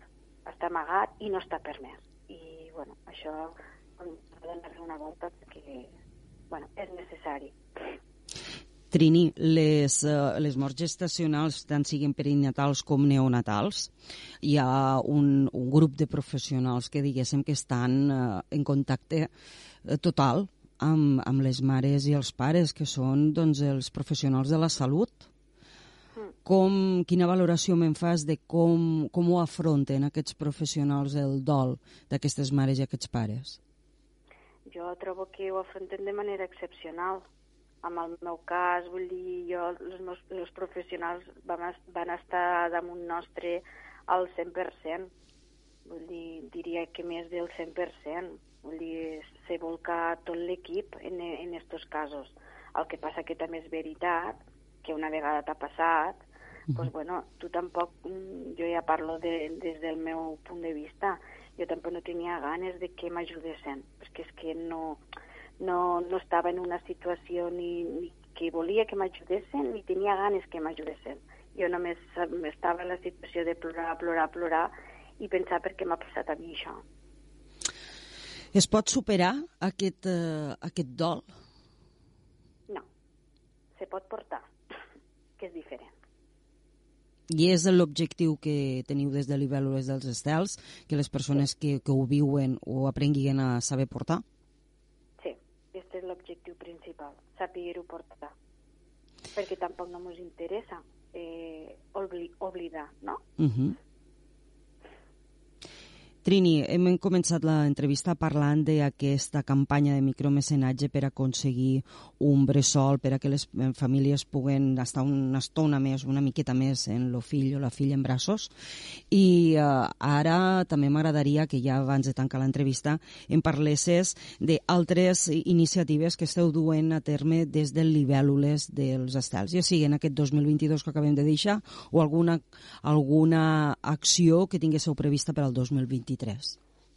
Bueno, la que vam iniciar el 2022, que es dia eh, Cosim Ferida, uh -huh. que són tallers terapèutics, on allí les mames en dol el que fem és cosir unes capetes que també se donaran als tres hospitals per tal de que quan el nadó pues, ja tingui que ser presentat a la seva família pues, sigui de manera molt més humanitzada, amb unes capetes que, que millor, no?, que fetes amb amor per les, mame, per les mamis amb dol. Eh, properament iniciarem un altre taller eh, que també s'anomenarà Cosiment Dol. Uh -huh. eh, si tot va bé serà al municipi de Roquetes perquè també vull fer una mica de llamamiento, no? Que les crida, de sí. pues, que no només són Tortosa uh -huh. i que a poc a poc ens volem anar expandint pues, per tot el territori i també eh, implantant els projectes. Bé, jo crec eh, que, que queda clar, eh, Trini, que no sou només sí. Tortosa. Sí, però bueno, sempre va bé, no?, recordar-ho que, que pensem en, en totes les famílies de les Terres de l'Ebre i, bueno, i més maestrat, clar que sí. Eh, I després també el que implantarem properament serà una psicòloga eh, que, que oferirà servei a les famílies en dol a la nostra seu aquí a Tortosa. Molt bé. Molt bé. La importància de, del recolzament psicològic jo crec que és bàsic, no?, en situacions com aquestes. Bàsic. Vull dir, tu pots estar fent un cafè tertúlia, que també seran una de, de les propostes que tenim 2023, uh -huh. és a dir, un cafè tertúlia on pots estar amb gent que, que, que bueno, del, del mateix, no? de la mateixa situació, poder parlar i poder expressar-te, però que també és veritat que el recolzament d'un professional sempre va bé. Trini, en, aquesta, en, en aquest camí que esteu recorrent, eh, us ha, ha sorgit algun, alguna informació de la qual no vos esperàveu? És a dir, un moment que obriu aquesta caixa, clar, hi ha moltes experiències i moltes vivències. Hi ha alguna que us hagi sorprès i que no havíeu contemplat? Bueno, mm, que hem obert alguns melons, no? O algun, alguns sentiments de persona que potser ni, ni recordaven que havien tingut una pèrdua uh -huh. i ens truquen i ens demanen ajuda pues, perquè al sentir-nos a nosaltres, bueno, doncs ja hem obert la, la part aquesta de dir, oh, pues jo també vaig tindre un fill i se'n va morir. Si volen localitzar-vos, com poden fer-ho? Bueno, pues a través de les xarxes socials, tenim Facebook, tenim Instagram, la nostra pàgina web, www.libelulesdelsestels.com i llavors el nostre telèfon, eh, que és el 615 27 46 24. I què els hi diries als oients que puguen estar escoltant i que hagin passat per una situació com aquesta, per un cas com aquest? pues que no ho dubtem, que ens truquen, que nosaltres aquí estem, eh, se pot dir que treballem 365 barra 24 mm. i que si necessiten una mà pues, que els ajude o que els escolte, pues que aquí estem. Trini, un plaer. Gràcies a vosaltres, Diana. Que tingues molt bon dia. Vera.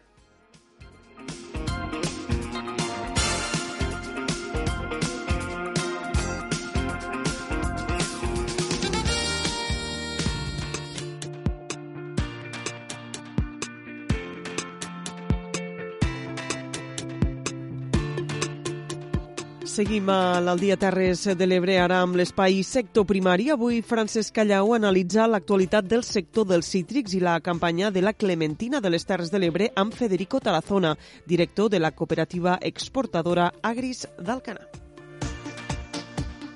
I avui a sector primari us volem atensar l'actualitat del sector dels cítrics i per això hem convidat a Federico Tarazona, que és director de la cooperativa exportadora d'Agris d'Alcanar, una entitat amb quelcom més de 200 socis, amb més de 1.000 hectàrees de cultiu, eh, que en part important, eh, diguéssim que ocupa termes com els d'Alcanar, Ulldecona, La Galera, eh, Santa Bàrbara, tot i que també n'hi ha una part a la comarca castellonenca del, del Baix Maestrat, en poblacions com, com per exemple Vinaròs. Amb ell volem actualitzar com ha anat la temporada dels cítrics, més aviat de la Clementina a les eh, Terres de l'Ebre i com es preveu també eh, la de la taronja. Federico Tarazona, bon dia. Bon dia. Eh, comentàvem que volíem actualitzar una mica la informació que pugui desprendre's de l'actualitat d'un de, sector que vostè coneix prou bé com ha anat la temporada de la Clementina mm, de les Terres de l'Ebre? Pues bueno, eh, irregular en el sentit que els preus de venda pues, han sigut bons, ha hagut un increment eh, respecte als preus de, de venda de l'any passat de, de, pues, sobre un 20%, eh, motivat principalment per l'increment dels costos de fertilitzants i increment de, de lo que és l'energia elèctrica per a, per a fer la irrigació. I eh, desigual en el sentit de que eh, pues la man manca de, de quilos, la no producció degut a, a incremències meteorològiques, sobretot en la primavera, i, i, i un poc el que estem parlant del canvi climàtic, aquestes primaveres, tardors, hiverns tan irregulars, on directament passem de, de, de l'estiu a l'hivern, on realment la estació de la primavera i la tardor pràcticament han desaparegut, doncs ens trobem en què la productivitat de general pues, pues no estan sent bones. Entonces, al final, els ingressos venen eh, denominats pel preu de venda, que ha sigut bo, però no han hagut els quilos per a, per a fer rendible o, o que el pagès pues, realment se puga recuperar perquè pues, tenim diverses campanyes pues, en uns resultats molt, molt baixos. Eh, és veritat que la campanya aquest any, per tot això que vostè deia, ha estat més curta que en anys anteriors? Sí, sí, home, clar. Eh, ha hagut dos motius, eh, bàsicament. menys quilos, el que ha fet que acabem antes, però a més a més, este nou hivern que, que estem patint eh, pues ens ha motivat que, que tinguem que córrer i, i avançar la, la recolecció perquè la fruita pues, per condicions degut a les temperatures tan elevades hi ha plagues que, que, que normalment en un any normal pues, durant els mesos d'hivern estan parades per una qüestió de temperatura i de... Pues, bueno, clar, ens trobem en una primavera constant i continuem plagues i en el que se, se deteriora el que és la qualitat comercial del nostre producte. Clar, eh, què, què, què s'estima més eh, el, el, el productor? És a dir, collita minsa i preus elevats o molta collita i preus que segurament no arriben a les exigències del, a veure, del necessitem pagès? una collita correcta i uns preus correctes per a maximitzar el que són els ingressos. Nosaltres no volem tindre un gran productor, un gran preu que al consumidor pues, li impossibilita comprar i que sigui quasi una delicatessen. Volem un preu correcte que cobrisca els nostres costos, que cobrisca els nostres, eh, dona un benefici per al nostre treball i tindre uns quilos que, que, que en aquest preu que no impedisca consumir al consumidor, eh, pues els quilos pues, facin que la rentabilitat final per al pagès sigui superior. Eh, la meva experiència és que les campanyes que tenim una collita important i els preus no són molt alts, però són, no són baixos, doncs al final els ingressos eh, per a l'agricultor és quan se maximitzen. Eh, L'agricultor tampoc vol vendre a un preu que, que, que faça que el seu producte no, no pugui arribar a, a casa del consumidor. El que vol és tindre una remuneració pel seu treball adequada. Eh, clar, eh, després d'una de, de, collita com aquesta, al damunt vostè parlava de les plagues, que aquesta primavera mm, perenne, diguéssim, pues clar, fa que, que moltes de les plagues no, no, no tinguin un aturador. Mm, es parla molt de, de, de l'aranya, no? que, que, sí, que és una, una plaga que, que sí afecta... Mm, en què afecta aquesta plaga a, a, la, a la fruita, en aquest cas a la clementina? En concret, el que és l'aranya roja pues és una, un, una caro, una car que, que viu de, de, de succionar el que és la saba de, de l'arbre i la saba del fruit que hi ha via la pell. L'únic que fa és un deteriorament estètic del producte. El producte pues, té unes taques, depèn la incidència de la plaga, pues, unes taques del 5 o del 10% de la, de la pell eh, que es queda, en certs en casos se queda verd i en cas, casos evoluciona cap a un marró fosc negre. Eh, realment el producte continua a tindre la mateixa qualitat organolèptica que sempre, però eh, està clar que el consumidor eh, el, el primer motiu de compra quan està a la tenda pues, és l'estètica, tindre un producte eh, bonic i que no presente cap defecte i entonces pues, el que fa és eh, minusvalorar el valor comercial del producte. Clar, un valor comercial que moltes vegades depèn de com va la campanya i la temporada a altres indrets productors. Eh, aquest increment del preu eh, s'ha produït precisament perquè hi havia una collita minsa i al no haver tanta oferta mm, la demanda ha fet pujar el preu o perquè a altres indrets productors la cosa tampoc ha anat gaire bé? No, bueno, les, les mateixes incidències meteorològiques que patim a nivell de Catalunya estem patint eh, en tota la conca mediterrània de l'estat espanyol i a més a més jo diria en tota la conca mediterrània. No és que siguem, eh, desgraciadament, este canvi climàtic no, no ve no, només per a nosaltres, sinó que afecta a tothom.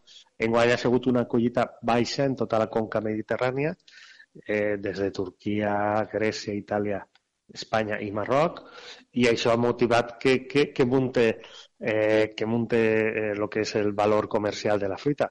Eh, la globalització, un dels, dels efectes que porta és que hi ha un moviment molt ràpid de mercaderies d'un mercat a un altre, i en quan se detecta pues, que n'hi ha un mercat on el valor és superior, pues, se fa més de, de, de mercaderies.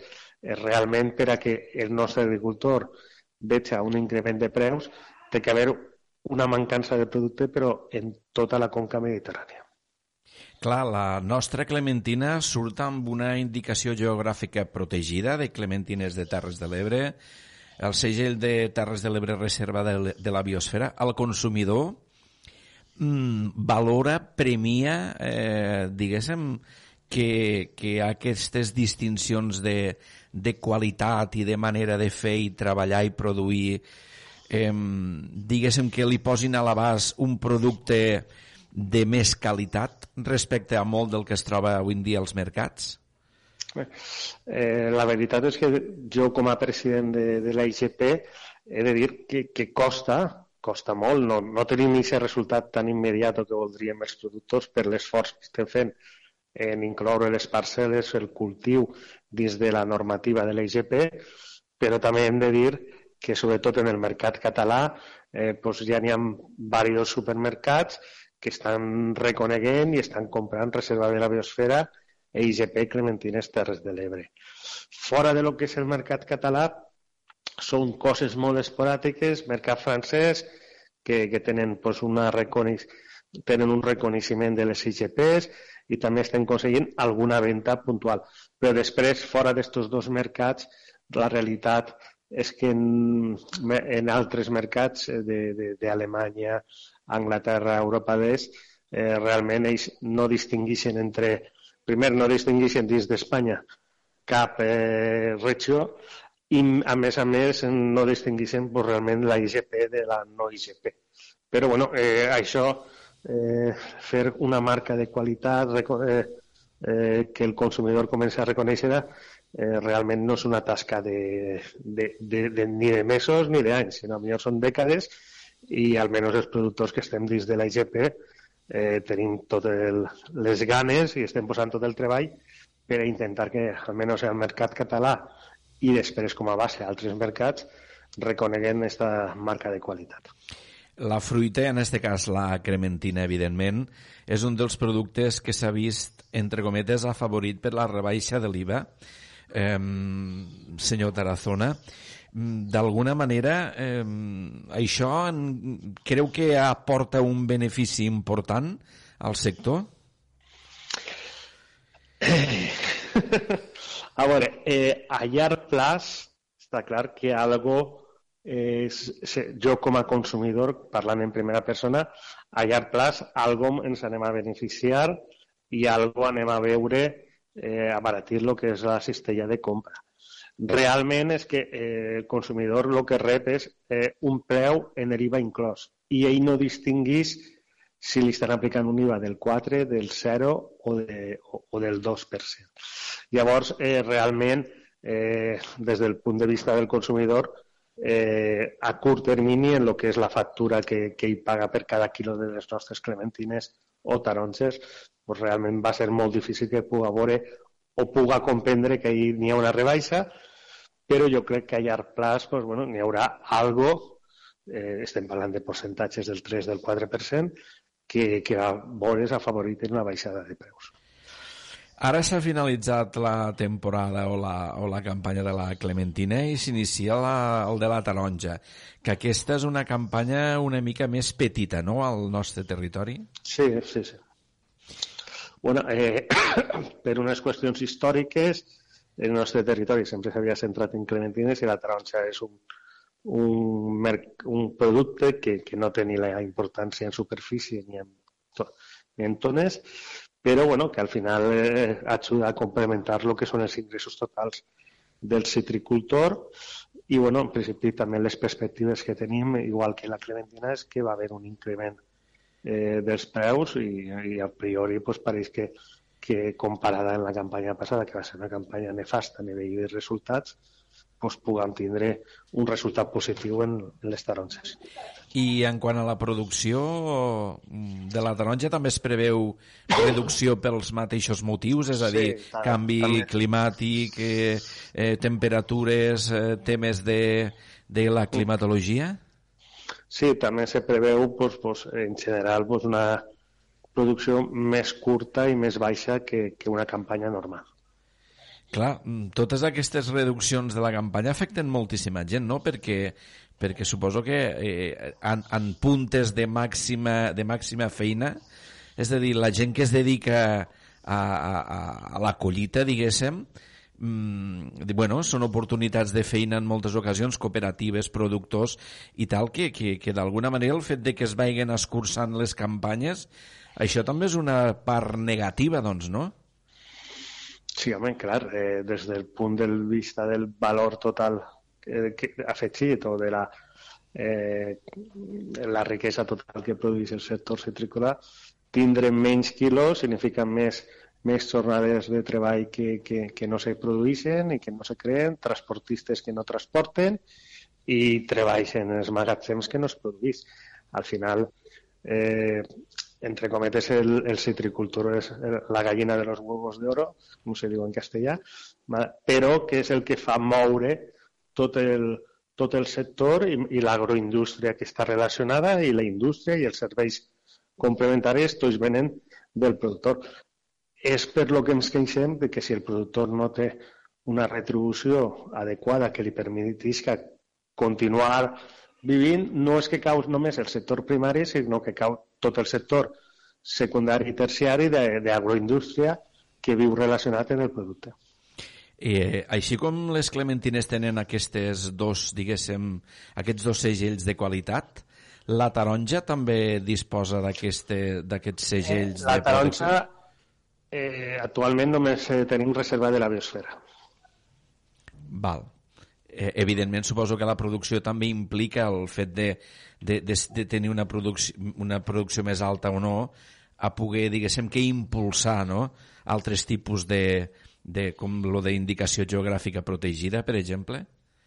Bueno, eh, en principi, eh, la indicació geogràfica protegida eh, se basa en, en tot un, treball de, de documental i d'acreditar que hi ha una qualitat diferenciada. Això implica pues, un treball que se va fer eh, ja fa molts d'anys davant de, de lo que seria el Ministeri d'Agricultura i, el de, i lo, la Comunitat Europea i en aquell moment, degut a que les quantitats de clementina és el que justificava eh, pues, tota aquesta tasca, se va fer només per a la clementina. La taronja ni tenia la importància en volumen en aquella època ni se justificava pues, fer un gran esforç econòmic per al toneratge.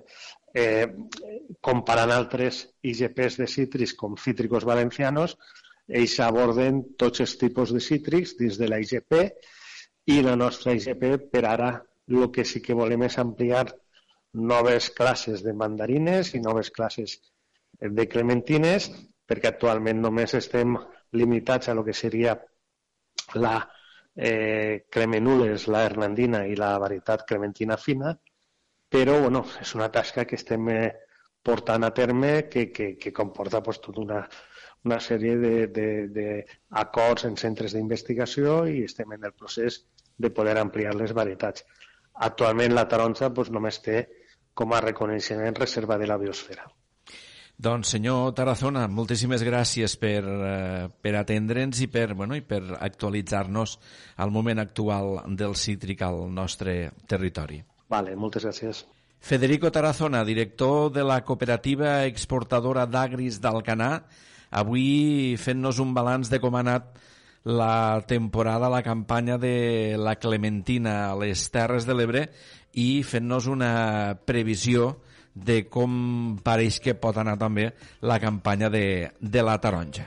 Doncs moltes gràcies, eh, Francesc Callau. I nosaltres seguim el programa. Anem ara a Ràdio Tortosa, ja que a la secció d'Educació avui us volem apropar l'oferta formativa de l'Escola per l'Art i la Cultura de Tortosa que s'ha programat de gener a març. Sota el paraigua dels dilluns gastronòmics i els dimarts artístics hi ha tallers i cursos de modelatge o expressió artística. Us deixem amb la companya de Ràdio Tortosa, Núria Mora. Saludem en primer lloc a la directora de l'Escola per l'Art i la Cultura, la Pili Lanau. Molt bon dia, Pili, benvinguda de nou. Moltes gràcies, bon dia. Bé, arrenquem aquest 2023, com dèiem, amb propostes interessants, amb cursos monogràfics impartits per professionals externs a l'Escola per l'art i la cultura, però experts en cada matèria i que estan emmarcats amb aquests títols genèrics, no? Dilluns gastronòmics i dimarts artístics. Una mica explica'ns eh, que imagino que és també per donar aquesta resposta a les necessitats de diferents sectors, no? Sí, bueno, de fet, eh, sabeu que tots ells que estan aquí em fa molt Sí, de ara els saludar, saludarem, em eh? Ara els saludarem a Vicent Matamoros i a Laura Mateu, que són alguns dels eh, professors i Mhm. professionals que impartiran aquesta, aquesta, aquests cursos properament Pues- i de seguida parlem amb ells. De fet, eh, ells estan, gràcies a aquesta convocatòria que ja fa uns quants anys ja ens vam inventar, no? de convidar professionals externs a compartir el seu mestratge i, um, i precisament um, surten estos noms també d'un dilluns gastronòmic, un dimarts de nous llenguatges, també els divendres al natural, perquè precisament per les seves particularitats, per la seva essència, o sigui, aquí ens presenten propostes formatives i eh, absolutament lliures, eh, cadascú amb el seu no? amb el seu mestratge, amb el seu llenguatge, amb les seves inquietuds, i procurem, això ho dic de veritat, procurem rescatar-los a tots. Mhm. I si convé fem manollets, i si convé ens inventem, com ara ens hem inventat estos dilluns gastronòmics per a que puguen tindre cabuda, Eh, els dimarts de nous llenguatges artístics és perquè estem pensant també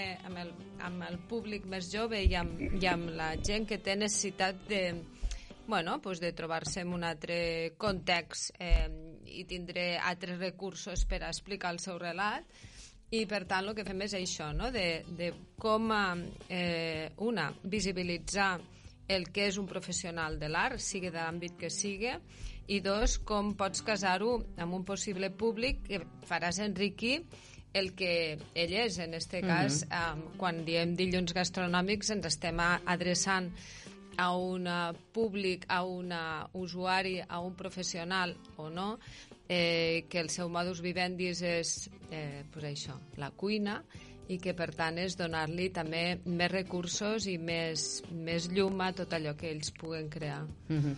Per tant, eh, molt adreçat a professionals de cada sector, no? Però, Però- imagino que obert a tothom, Obert a eh? tothom. Qualsevol persona que tingui interès en qualsevol de les matèries que ara comentarem, no? Totalment. I a més, um, també buscant estos espais de...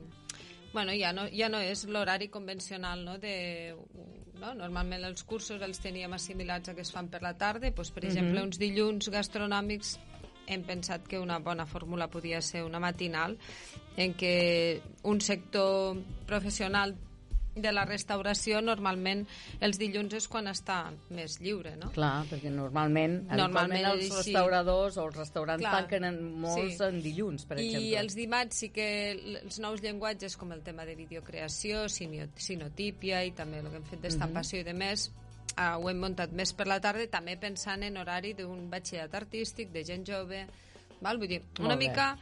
Eh, pues, adaptant-nos també als bioritmes actuals Al públic potencial, també, no? no? i ja està I seguim en els dilluns gastronòmics perquè justament la setmana que ve, Pili, arranca el dia 23, concretament el curs de motlles del Ginat, en aquest cas que impartirà el Vicent Matamoros els dies 23 i 30 de gener. Aquest és un curs de dues jornades, no?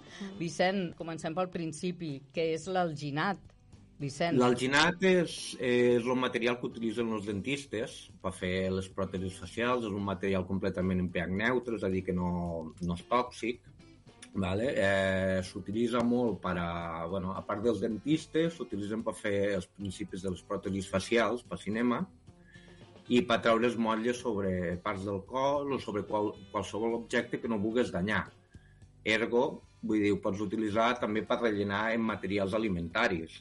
Vull dir, sobretot enfocat a reposteria, enfocat a xocolates, enfocat a, a qualsevol material a, eh, que no, no agafarà toxicitat, és a dir, que no, dir, no tindràs cap problema en que l'usuari que consumeix aquest l'objecte tingui alguna, algun efecte tòxic i també eh, és, un, és un procés molt simple vale? és bastant simple, és bastant fàcil, és bastant ràpid i se pot treure qualsevol volum que interessa. Per exemple, una persona que vulgui fer una reposteria concreta i vulgui agafar un objecte que en compte d'haver-lo de modelar en, en xocolata, que haver-lo de fer tal, pum, se li fa el motlle, l'omplis i ja tens aquell objecte perfecte. Vull dir, podries fer Mhm. pues, eh, o època de tardor, bellotes, o qualsevol qualsevol volum. Mm -hmm. Explica'ns una mica, doncs, quin és l'objectiu del curs, que, com el tens també pensat i què és el que es trobaran els alumnes que, que hi participin. L'objectiu del curs són dues sessions, vale, ja hi haurà el material, ja s'explicarà després on el poden aconseguir. Ah, llavors, el primer és que portin els objectes que els agradarien, ah, llavors analitzarem cada objecte eh, com se li faria el motlle, perquè hi ha diferents processos, doncs allò adaptaríem segons les necessitats de, de l'alumne, de l'usuari, del curs, per fer aquell motlle, per treure el seu volum. Vale? Primer els ensenyaria a fer escaiola, que després este, este, volu, eh, este procés també pot servir per acabar fent motlles de silicona i per fer tiratges llargs, que és una cosa que també explicaré, que no, no entrarà en este, en este curs, vale? per treure una matriu, un original. Mm -hmm primer ho faríem en escaiola, el primer dia perquè veguem com funciona el d'això, i el segon dia és provar uns altres motlles i eh, ja fer un xocolata perquè se puguen emportar vull dir, per les seues peces alimentàries i que ho puguen tastejar. Per tant, també aquest curs molt adreçat segurament a, a restauradors, a persones que es dediquen al món de la gastronomia, però té algun altre algun altre públic potencial que, doncs, a banda de, dels professionals del sector, a qui li pot interessar un curs d'aquestes característiques, Vicent? A qualsevol artista plàstic, vull dir, a joiers, inclús a tot el camp de, eh, de gent que fa joieria, que els interessa un tipus de motlle de pH neutre, després també s'utilitza el material per a restauració, uh mhm. -huh. ja que no danya, no danya els materials que no siguin de fusta, eh, i artistes, vull dir, o hi ha gent que inclús ja estigui interessat en cinema, en inicis de pròtesis facials. Per tant, va, va més enllà eh, de la gastronomia, aquesta possibilitat de motlles amb aquest tipus de material que és eh, l'alginat.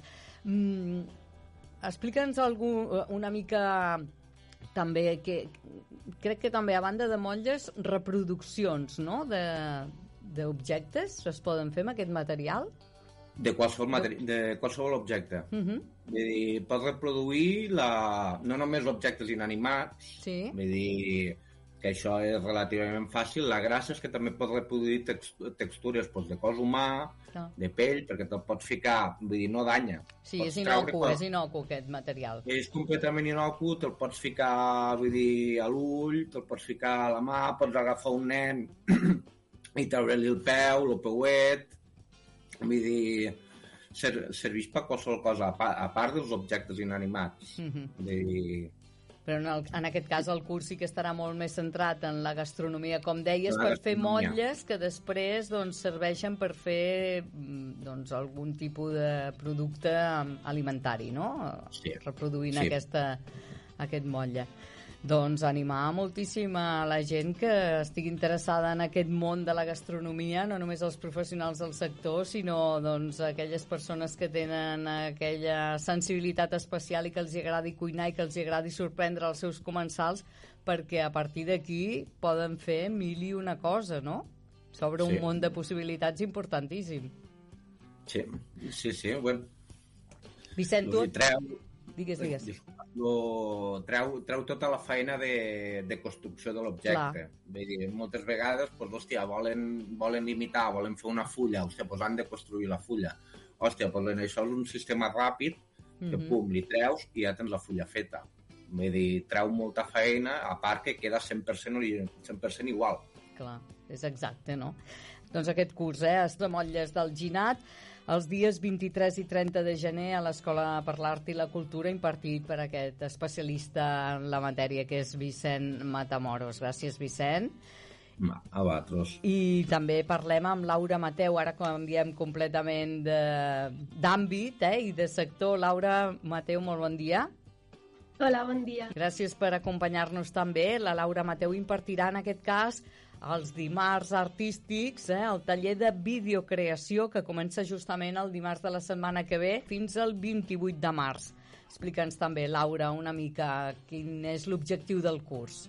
Bueno, l'objectiu és donar a la gent una sèrie d'eines i un acompanyament per a que es puguin expressar mitjançant aquest llenguatge que és, bueno, l'hem englobat això, l'escola l'ha englobat amb els nous llenguatges, i tot i que el vídeo ja, pues ja fa un rato que el tenim per aquí, però és veritat que que amb, amb, el- amb l'arribada dels smartphones, no? aquests telèfons que fan vídeo i les xarxes socials, doncs és una cosa com que s'ha democratitzat. I tant. I ara tothom que pot tenir 8 anys o 73 que tothom fa un vídeo a la setmana, més o menys. Si fa els anys algú, mentre algú fa les esperes, vull dir, és una, una cosa que ara tothom la fa i el curs vol una mica pues, ensenyar a fer-la bé, no? Com si diguéssim, com a unes eines per a que, per a que la gent es pugui expressar Mhm. amb, amb això. Per tant, oberta a tot tipus de públic que estigui interessat en aquesta matèria, no? Aquí no ens centrem només en un sector concret, sinó suposo que també oberta a tothom, no? Obert a tothom totalment. O sigui, només cal que es tingui un aparell que, que gravi vídeo. Sí que és veritat que pues, pues jo també pues, quan, quan, quan penso en, en l'alumnat doncs crec que pues, igual que els altres companys és com per altres artistes d'altres disciplines trobo que és, un, que és una eina molt, molt bona com per a, per a poder posar l'obra a fora, no? Com per Mhm. poder compartir a les xarxes, que és una cosa que, com deia abans també l'Elisenda, pues que tothom està fent servir ara i, i llavors poder compartir la teva obra d'una altra disciplina amb un vídeo, per exemple, o... però bueno, en general és, és, sí, és per tothom, Mhm. tothom que, que Explica'ns tingui una- d'expressar-se. Sí. Explica'ns una mica com has estructurat aquest curs, que són doncs, eh, dos, eh, dos mesos pràcticament, no?, de curs. Sí, és un curs llarguet, es fa curt després, eh? Però sí, al principi jo el que vull com ensenyar els primers dies a una mica el, el llenguatge audiovisual, totes les paraules tècniques que al final són les que t'ajuden a, a després com desenvolupar una idea i també les maneres pues, d'escriure un guió, de com trobar les idees o de cada cosa que, que, que, que cadascú vol expressar. Llavors després hi ha una part més tècnica, que és pues, aprendre a fer anar les càmeres i, i vull dir que ni que sigui un, un telèfon mòbil doncs hi ha cosetes que igual la gent no, no les fa servir tant, la llum, el, tot el que és més tècnic. I després ja és una part, la última, que és que jo intento sempre que sigui una mica més llargueta perquè és igual la més complicada però també la més xula, bueno, la més xula o no, però que és molt interessant, que és la d'edició que en aquest cas ho farem amb el programa Adobe Premiere, però que un cop aprens aquest programa, que és el que s'utilitza a nivell professional després a la indústria, um, un cop fas, saps com fer servir aquest, has, has fer servir tots. Perquè al final doncs, tots els programes d'edició de vídeo són una mica similars i llavors doncs, l'última part del, del, del curs és més editar aquests vídeos i que, que cada alumne pugui sortir d'aquestes classes amb una peça de vídeo feta. Per tant, tot el procés no? de creació de- d'aquesta producció, no? des de la idea no? Mm. fins a el vídeo completament editat per poder ja doncs, difondre. Per tant, és tot el procés. Laura, moltíssimes gràcies, que vagi molt bé el curs i... Doncs, Gràcies a vosaltres. Enhorabona i sort en tots els projectes. Gràcies. Pili, les persones que vulguin inscriure's en tots aquests cursos, sobretot els que comencen la setmana que ve, com hem dit, què ha de fer? pues a la mm, pàgina web. A la pàgina web de l'escola. EAC, eh, ja sabeu que la tenim en línia, pots Mhm. fer el pagament tranquil·lament, vull dir que és, i si no ens poden trucar, estem de les 8 del matí a les 8 del, del vespre, els atendrem convenientment, donant informació, qualsevol dubte. Molt bé. Bé. Doncs eh, aquests cursos que s'inicien justament aquesta setmana que ve, d'aquest 2023, i anirem parlant, eh, perquè n'hi ha molts més, tant dins dels molts més. dilluns gastronòmics com Sí. dels dimarts de llenguatge, com dels divendres al natural, que això ens ha quedat pendent, però La ho deixem. vegada. En, comença algun la setmana que ve, dels divendres? A si veure, vols... el curs de modelat començarà el divendres dia 20. Val, eh, modelat d'una figura eh, és un curs de, de model en, en modelatge, o sigui, el que seria fang. Vull Mhm. dir, hi, ha, hi ha un munt de gent ja inscrita en aquest Doncs curs. que la gent no s'encanti perquè són cursos interessantíssims Sí. i evidentment no són places il·limitades segurament, no? No, són places limitades, per però això, bé. doncs que la gent entri a la pàgina web de l'Escola per l'Art i la Cultura de la Diputació i trobarà tota aquesta informació detallada. Gràcies, Pili, i que vagin molt bé aquests cursos també. Moltes gràcies.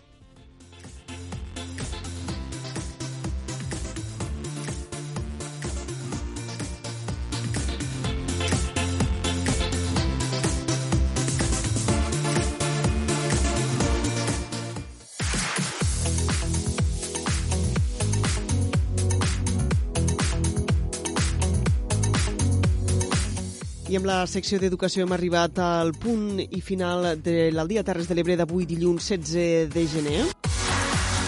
En tot cas, abans d'acabar, els volem recordar que entrem en una setmana de fred, neu i vent fort. Així ho indiquen totes les previsions i el Servei Meteorològic de Catalunya ha informat d'un canvi en la tendència de les últimes setmanes que donarà lloc a un notable descens tèrmic a nevades al Pirineu i al Prepirineu i també fortes ventades a les Terres de l'Ebre, una situació meteorològica, un episodi de fred que podrà allargar-se com a mínim fins al pròxim dissabte 21 de gener, quan la temperatura començarà ja a recuperar-se.